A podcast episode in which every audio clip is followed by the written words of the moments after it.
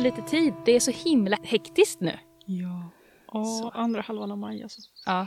Pang, pang, pang, pang, pang. Jag var ändå lugn i början och tänkte, nej men nu, det här kommer gå så bra. Mm. Lugnt och metodiskt, lugnt och metodiskt. Och nu bara ah!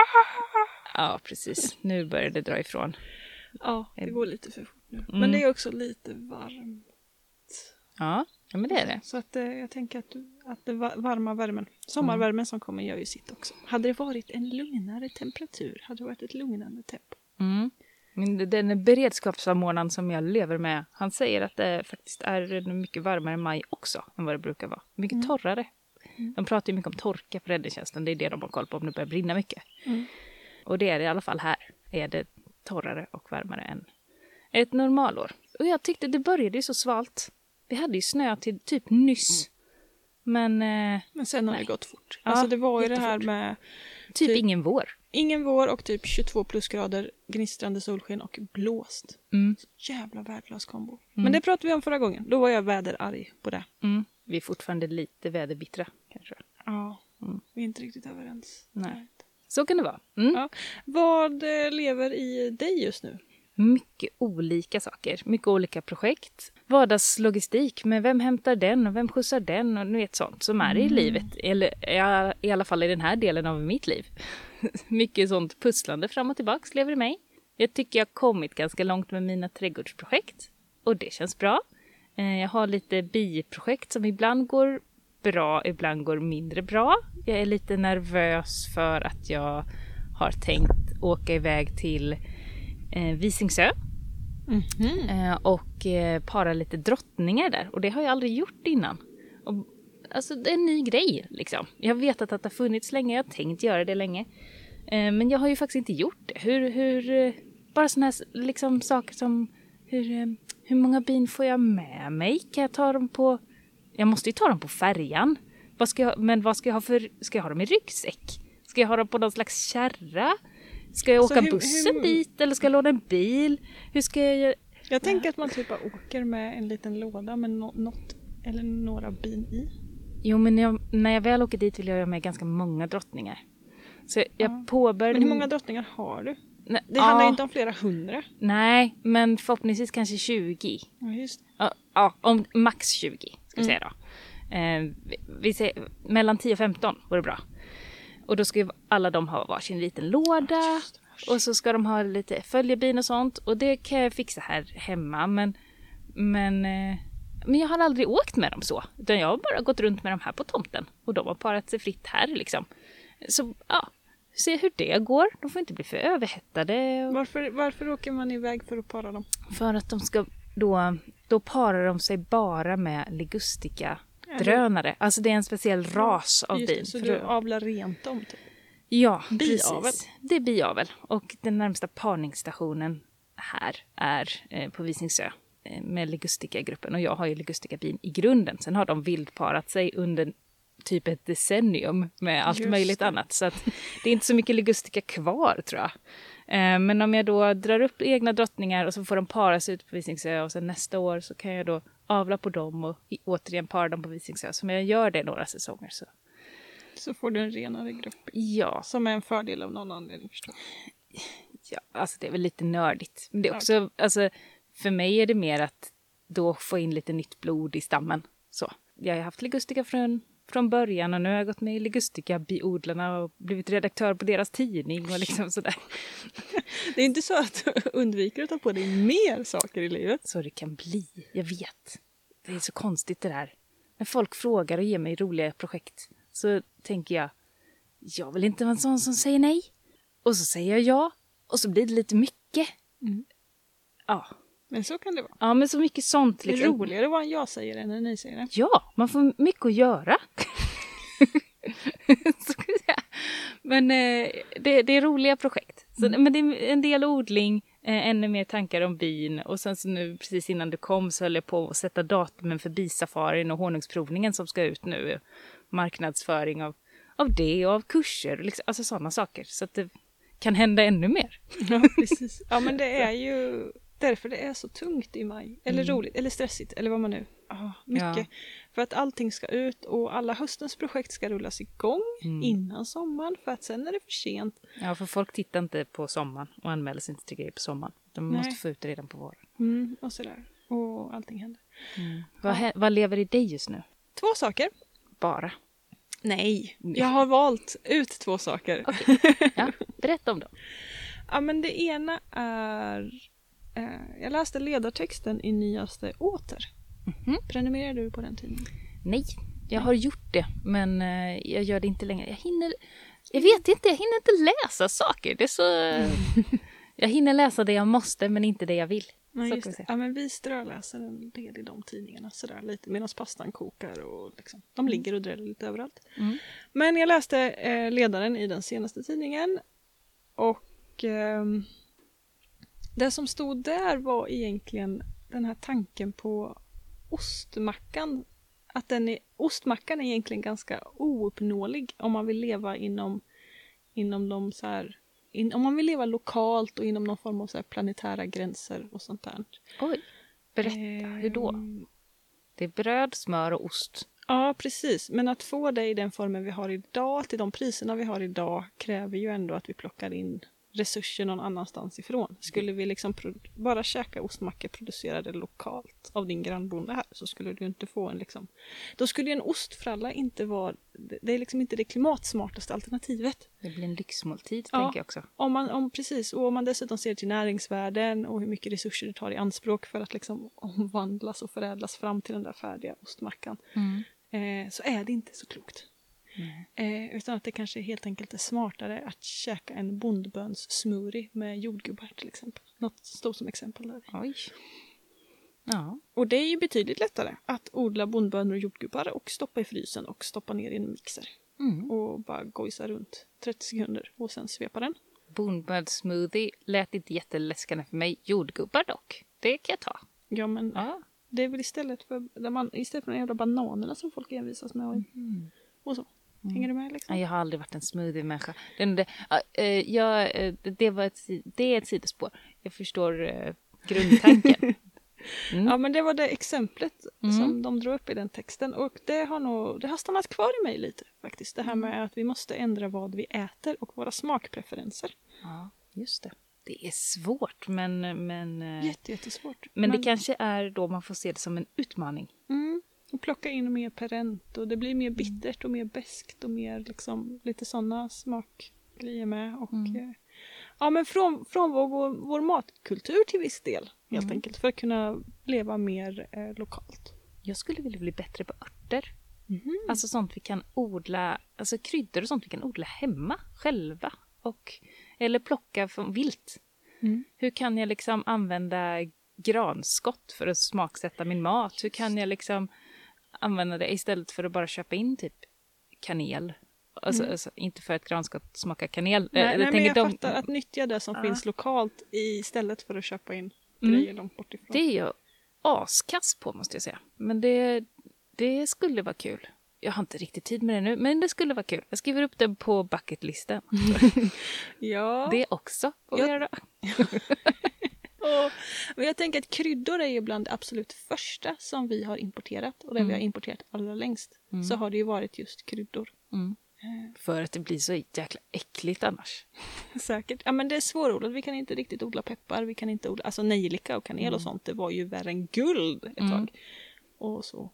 Eh, Så att jag har nog tänkt att det är bättre att fokusera. Alltså jag tänker att kryd, man får ganska mycket kryddor på liksom en kubik utrymme med. Mm.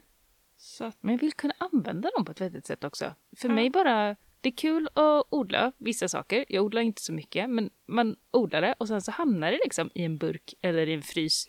Men att faktiskt ta fram det och använda det. Att säga, ja men det här kan jag använda till den här måltiden. Att, att få ihop Att det. våga variera och utmana sin kost. Ja, precis. Att Jag, inte- Ja, vi har så jäkla mycket diskussioner om det här hemma emellanåt. För Oskar har så här basgrejen. Mhm. Tomatsås, grädde, salt, svartpeppar. Och lite chilisås eller cayenne. Det är liksom hans bas i väldigt mycket olika grytor och grejer. Det låter inte fel alltså. Nej, alltså det är, ingen, det är ingen äcklig kombination. Nej. Men om man har det som bas i fem, sex olika rätter Mm. så blir det lite variationsfattigt och lite tråkigt och lite, så gör man inte känner jag. Jag blir Ja, så här, Jag kan relatera till, eh, till skäggets eh, Mm. matkultur och känna att han och jag är soulmates på den fronten och då kan vi också ha kanske samma problem i att det är svårt att variera. ja. Så att jag kan förstå det. ja. Men han kan ju vara så här, men Mm. du vet, det är inte så att han inte tycker om salviapasta. Men den smakar ju inte som köttfärssåsen baserad på tomatkross, grädde, morot, lök, svartpeppar, salt och cayenne. Och därför så är det liksom inte riktigt så det ska smaka. Nej. Men det är ju en helt annan rätt. Ja. Och en helt annan, ja, vi ska lämna den diskussionen.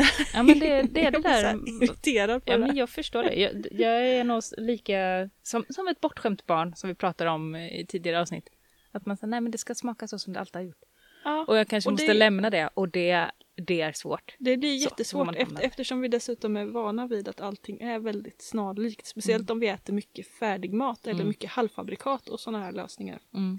För att det är väldigt lika i konsistens och i smak Salthalt liksom. och salthalt. Mm. Så att det är inte så konstigt och då blir det ju ett ännu större steg Mm. att förändra det. För då blir liksom skillnaden frå, från att äta liksom färdig pesto, mikrad så här pestospasta från en färdigrätt kontra att göra kirskålspesto Mm. på typ solrosfrön. Mm. blir ju en jätte... Det är ju totalt helt olika grejer. Mm. Man smakar och så. Leave it där. Men ogräs är bland det nyttigaste vi kan äta. Ja, Just det. Med. Ta Vi tillvara på ogräset. Vi bra. flikar in det Mm. också. Ja.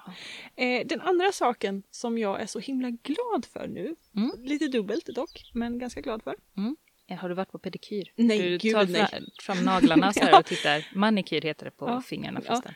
Nej, alltså Just jag använder ju väldigt mycket så här ringblomsoljor och du vet lokalproducerade smörj som är ändå så här få Mm. ingredienser och naturingredienser. Men vad fotsalva, den här feta fotsalvan som du vet Mm. finns överallt som alla har hemma, Mm. är ju rena himmelriket för trasiga vårbrukshänder. Jaha. Det är så, det är räddningen i nöden när man som jag alltid arbetar utan handskar för man vill ha connection. Ja, Just det. Du vill känna jorden och umgås med den och då blir ju fingrarna helt, alltså Ja, det blir det. jag blir totalt sprickig och dan. Mm. Men ett rejält smörj med fotsalva solves your problem. Så att dina händer är lite så här häl i konsistensen i ja vanliga men fall. typ Mm. emellanåt. Vad vidrigt det låter. Förlåt. Ja, det är bilden Men du den- målar upp. Ja. Den här, den här tiden på året så blir ju verkligen händerna, eh, de får kämpa. Mm. Och då jag har ofta du- handskar. Mm. Ja, jag hatar handskar. Och hatar man handskar så duger inte liksom de här handkrämerna. De är goda som komplement men Mm. man behöver också de här riktigt hårda kurerna. Och då är fan fotsalva guld. Bra, bra tips. Och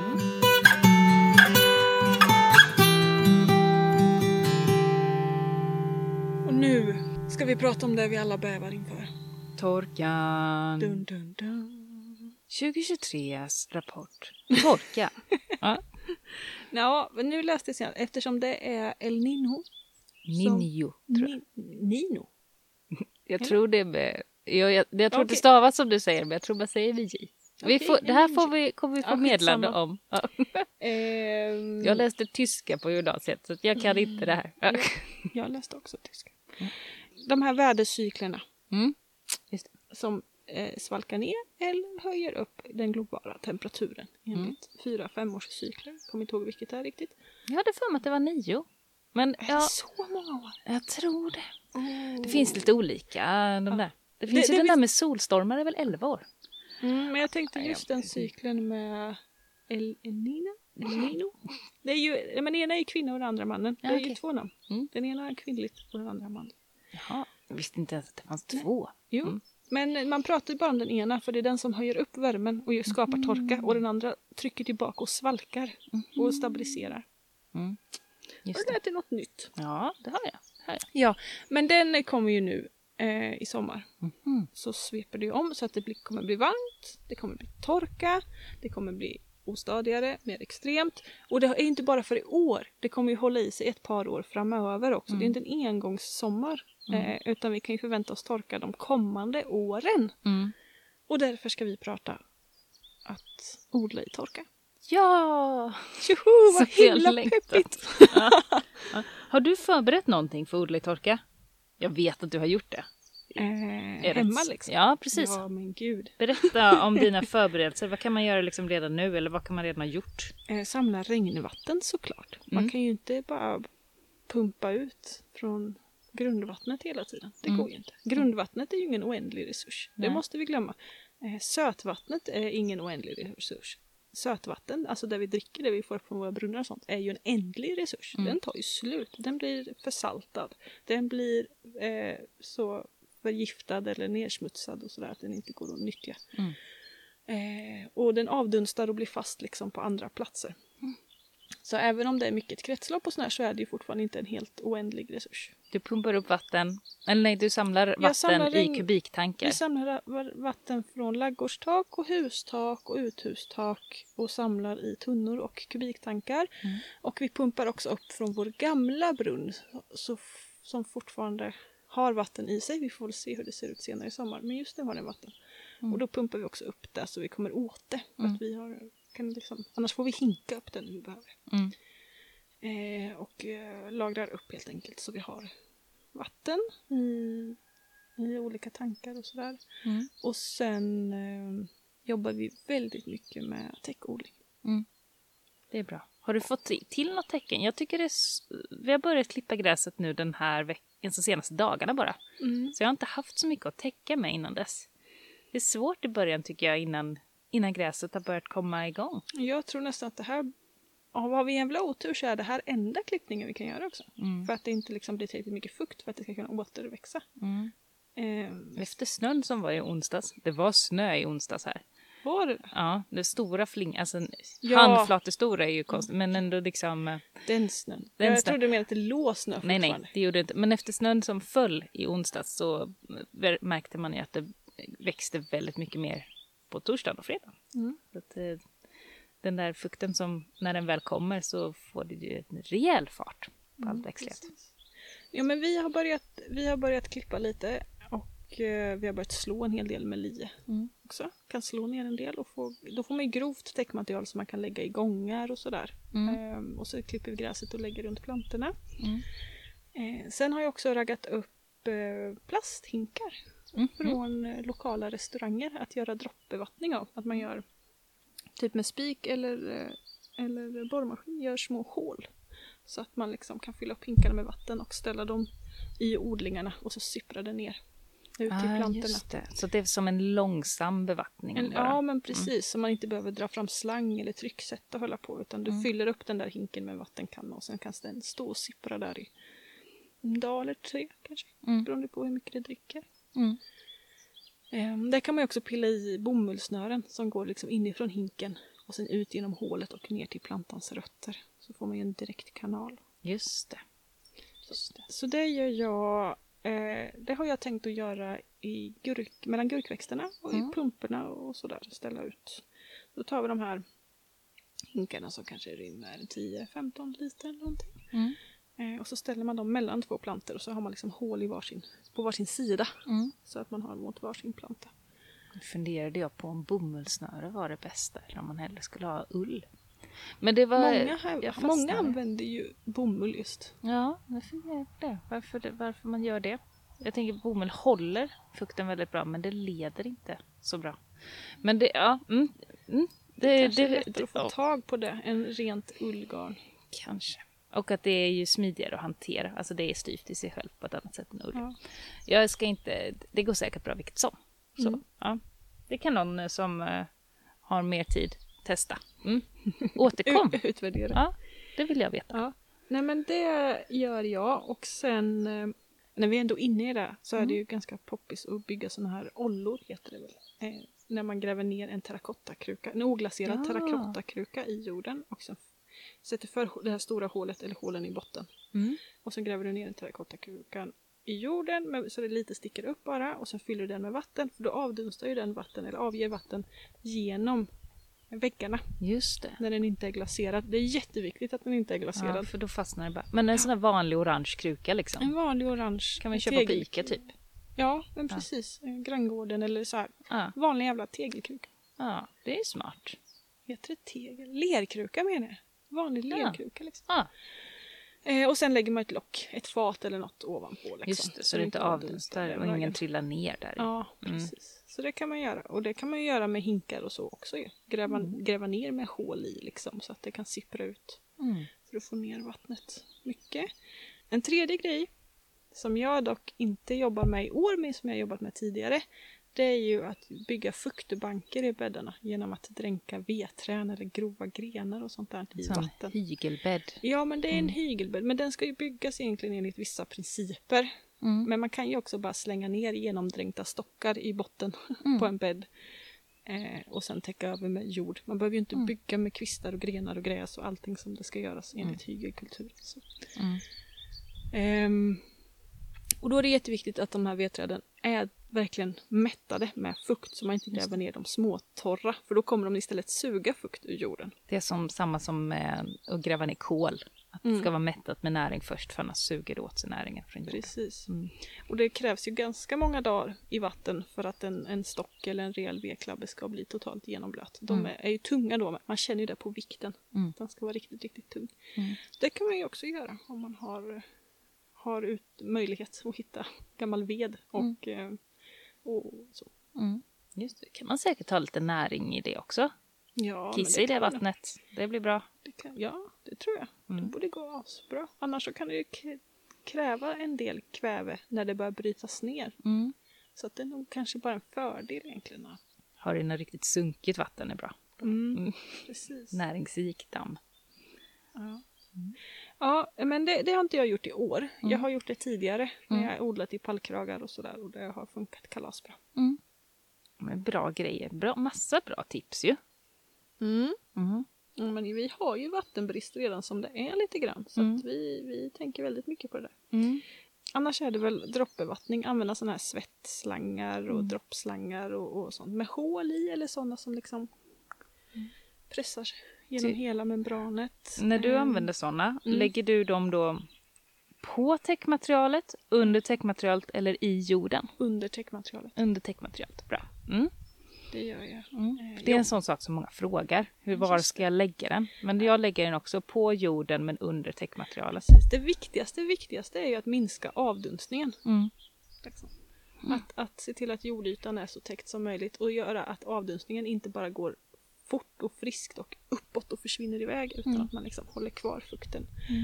genom att täcka eh, genom att på olika, med olika fysiska hinder förhindra vattnet från att eh, dra iväg någon annanstans egentligen. Mm. Och då kan man ju använda fiberdukar eller sådana här termonät eller klimatdukar. Mm. Kärt barn, många namn.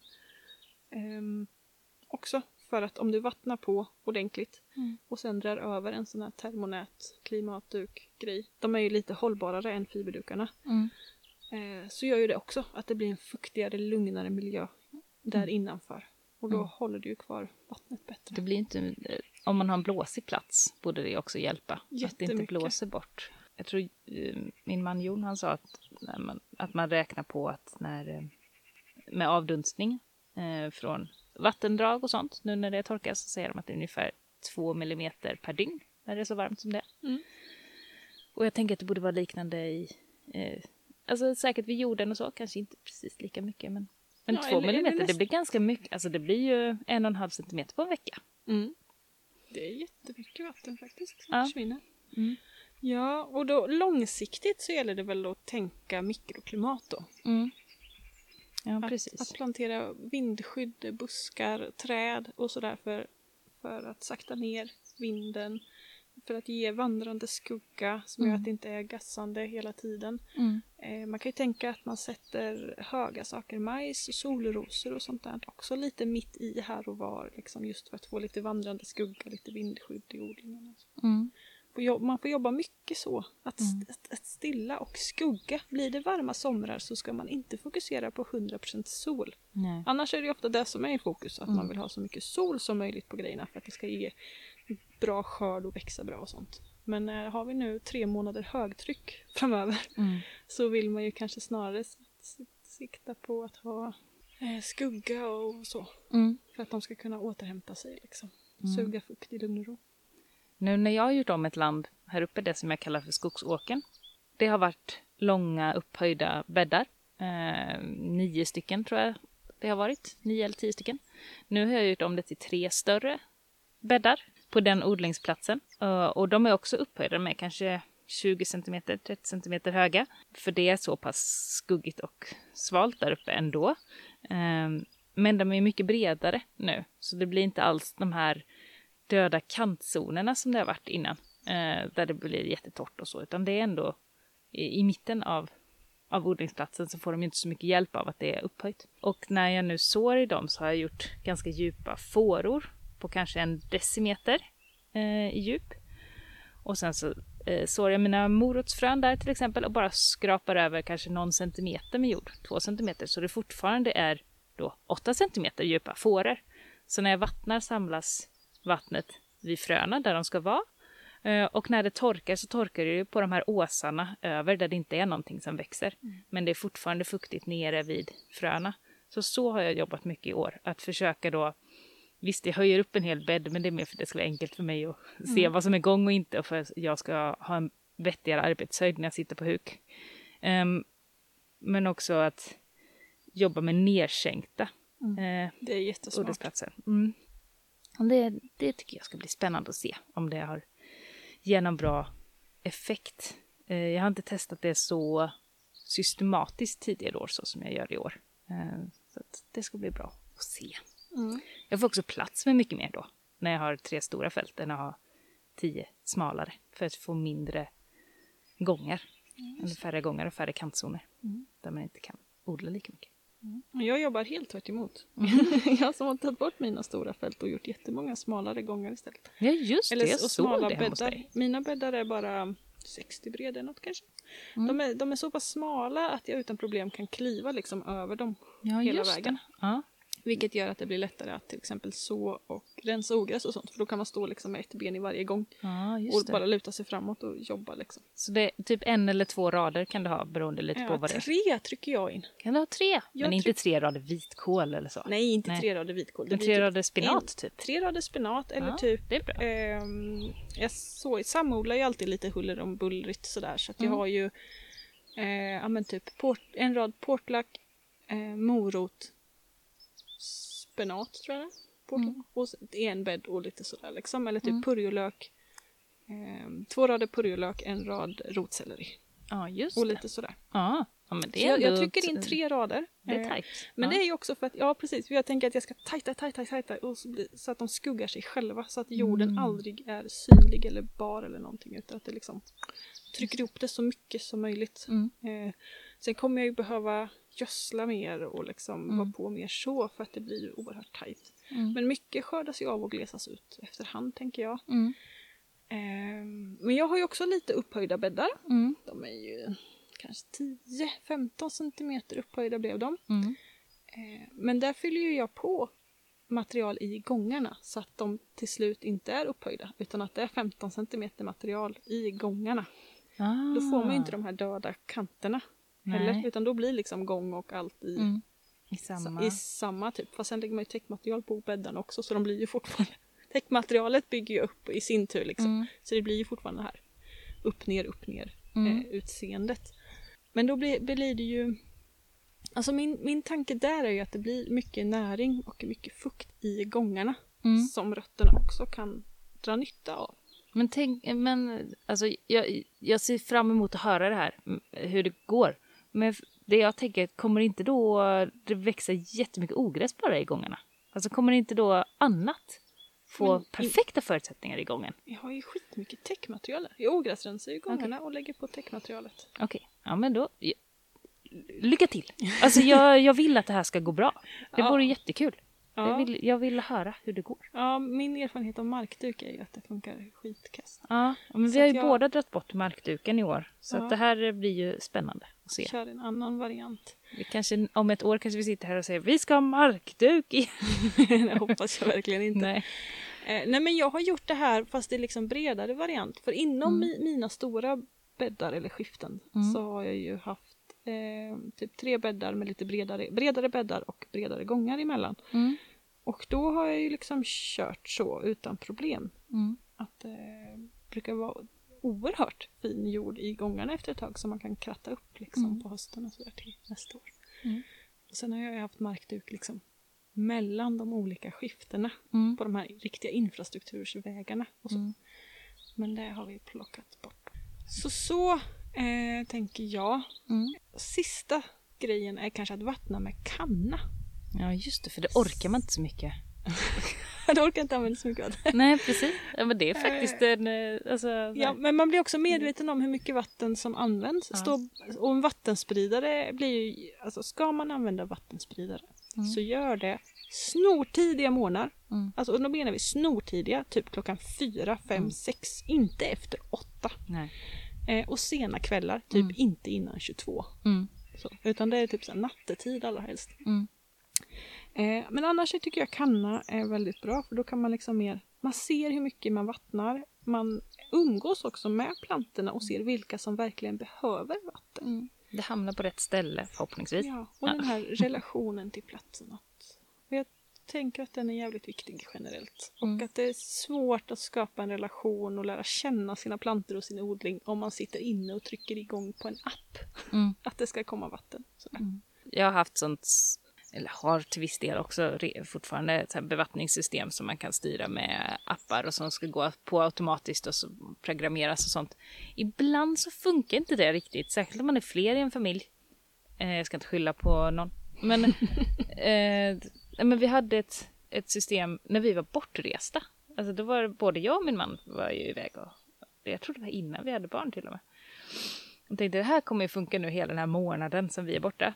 Och efter dag två så hade ju då det här bevattningssystemet bara fortsatt att pumpa ut allt vatten i så här, två kubiktankar vatten var bara utpumpat. Så Jag hade inte stängt av det hade sig, inte stängt av sig liksom. Och ingen är hemma och kan kolla det eller sådär. Det fanns ju inget vatten. Jag tänker, tänk om ni hade haft trycksatt från kranen då? Mm, precis. Det hade, Det hade ju kunnat pumpa ut hur många liter som helst. Mm. Så att eh, det är bra att ha lite koll på sådana här eh, system ändå. Mm. Eh, nu var ju det här ett decennium sedan. Så att, eh, Saker har ju säkert hänt. Men Ja. jag, jag tänker generellt att det är farligt att ha, att ha bevattning på trycksatta system om man Mm. inte är där och kollar. mm, Och, precis. Så, och verkligen ser att det stänger av sig och stänger på sig och sådär. Mm, vi- precis. Så att, eh, ja, det är dumt. Och också om det kommer någon som ska liksom... Det kommer någon och, och kanske klipper gräset när man är borta och så har man ett digitalt system så ser de bara åh nej, nu gick massa vatten igång, det måste jag stänga av. Ja. Så, för att man kan ju alltid stänga av på kranen också. Mm. Eller också kanske kranen och systemet går sönder och så bara Ja. spolar det ut mängder. Mäns, mänskliga faktorn. Ja men eller hur. Jag, jag tänker att low tech, jag är ju mycket för low tech lösningar. Eh, faktiskt. Jag tror på det där att använda sin egen fysiska förmåga så långt den når. Mm. Ja, en, en kombo kan jag tycka är bra. Te- så, Ja, kör det tekniskt om du vill men du kanske ska och vara hemma och gå runt. Ja. Jag tänker vi kan lämna mycket av det tekniska till dem. Och sen vad som är ett behov och inte behov, det är inte upp till mig att avgöra liksom. Utan det, det handlar ju om varje enskild individs egna förutsättningar, behov, vad heter det?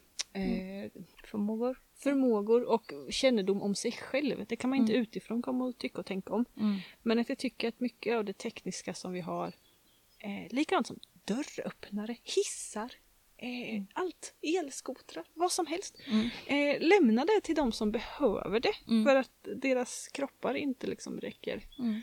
hela vägen fram på det sättet som en fysiskt och psykiskt fullt frisk persons kropp gör. Mm. Så, eh, en parentes, men det tycker jag. Vem som nu är fysiskt och psykiskt helt frisk i Nej, den här världen. eh, Men Man kan ju ha eh, olika funktionsvariationer och många har ju kanske eh, funktioner som inte varierar så mycket, jag säga. Men Mm. där man liksom inte har, man stöter problem i vardagen. Annat än lite typ stelhet Ja. eh, och morgontrötthet och olust. Just det. och sånt. Många har ju ändå inte mycket värre än så. så Grattis. Ja. Grattis. Precis. ja men det är bra. Det är bra. Ehm, Mm. ja. Jag tänkte också en sista grej jag kom på nu på tal om odla i torka. Ja. Det här med att dränka in plantor innan man planterar ut dem. ja, det gör jag alltid. Ha med en hink ut, bara doppa ner hela jordklumpen i vattenhinken och sen så plantera ner. Mm. Jättebra. Jag ställer mina i ett svagt näringsvatten i typ ett dygn i förväg. Om jag kommer ihåg det. Så de bara får stå och bli helt genomsura. Typ så Ja. man kan krama Det bara rinner om dem liksom. Helt Det beror lite på vad det är för någonting. Alltså, för, eh, så Ja. lök skulle jag inte göra som är till exempel. Sånt där. Ja, Det, det kör jag. Mm. ställer brätterna i en bytt och så får de bli riktigt blöta och sen planterar jag ut dem och sen vattnar jag ju inte Nej, just det. Mm. efteråt. Mm. Då får de klara sig själva någon vecka eller ett par dagar i alla fall. Mm. Mm. Eh, men det gör jag, eh, funkar också med potatis. Att slänga ner potatisen i en hink med vatten. Alltså färdiga potatisar? Ja, alltså utsäd, utsädespotatis. Jaha. Slänger du ner dem i vatten i två, tre timmar innan du sätter ner dem. Det har jag aldrig provat. Det Mm. måste jag göra. Det har funkat bra för mig. Mm. Eh, så det kan man göra med allt. Att se till att det är riktigt, att inte plantera ut det torrt utan se till att det är riktigt blött innan Just du det. planterar ut det. Och sen-. Precis, och täck Mm. direkt Mm. faktiskt. Med lite luft så att du alltså inte trycka täckmaterialet upp mot plantorna utan lämna lite livsutrymme för dem. Mm. Någon centimeter Lite eller två i alla fall. Mm. Mm. Runt själva stammen. Ja, det är väl vad jag har att tänka om torka just Mm. nu i alla fall.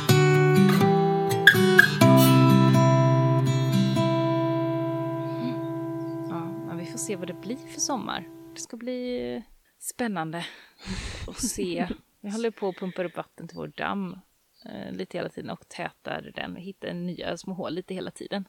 Vi har salamandrar i dammen för första gången på riktigt. Kul! Mm. Vi har flyttat dit salamandrar ibland. Kanske man inte får göra.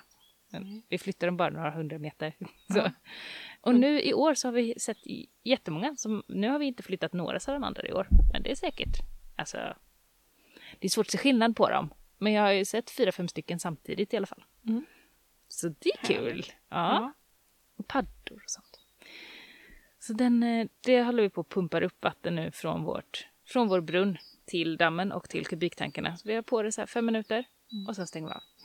Och sen så eh, går det några timmar, på minut, fem minuter och sen stänger det av. Ja men lite så kör vi med. Eh, Så att man ändå gamla får pumpa brunnen upp. Man pumpar inte upp, vi pumpar inte upp allt på en gång utan Nej. vi pumpar upp lite i taget. Och också att vi fyller typ tunnorna i växthuset Mm. med vatten från brunnen de dagarna vi inte behöver tvätta, diska eller duscha till Mm. exempel. Att då man.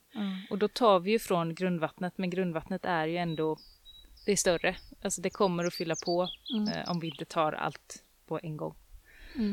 Eh, sådär. Så Så att, kan det ta tid innan det fyller på. mm.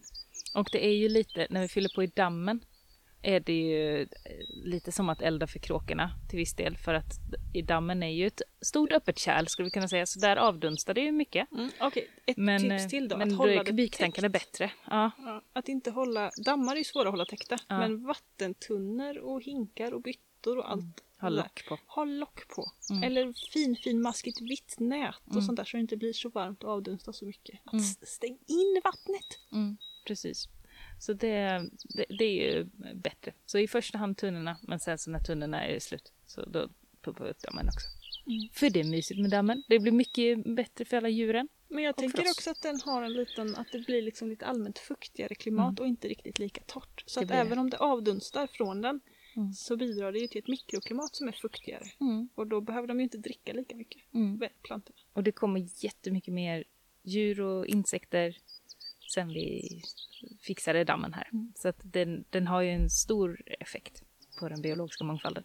Och det är jättekul. Det är roligt att gå på upptäcktsfärd. Hitta djur. Mm. Så, så det är bra. Mm. Mm. Vad ska du göra nu då?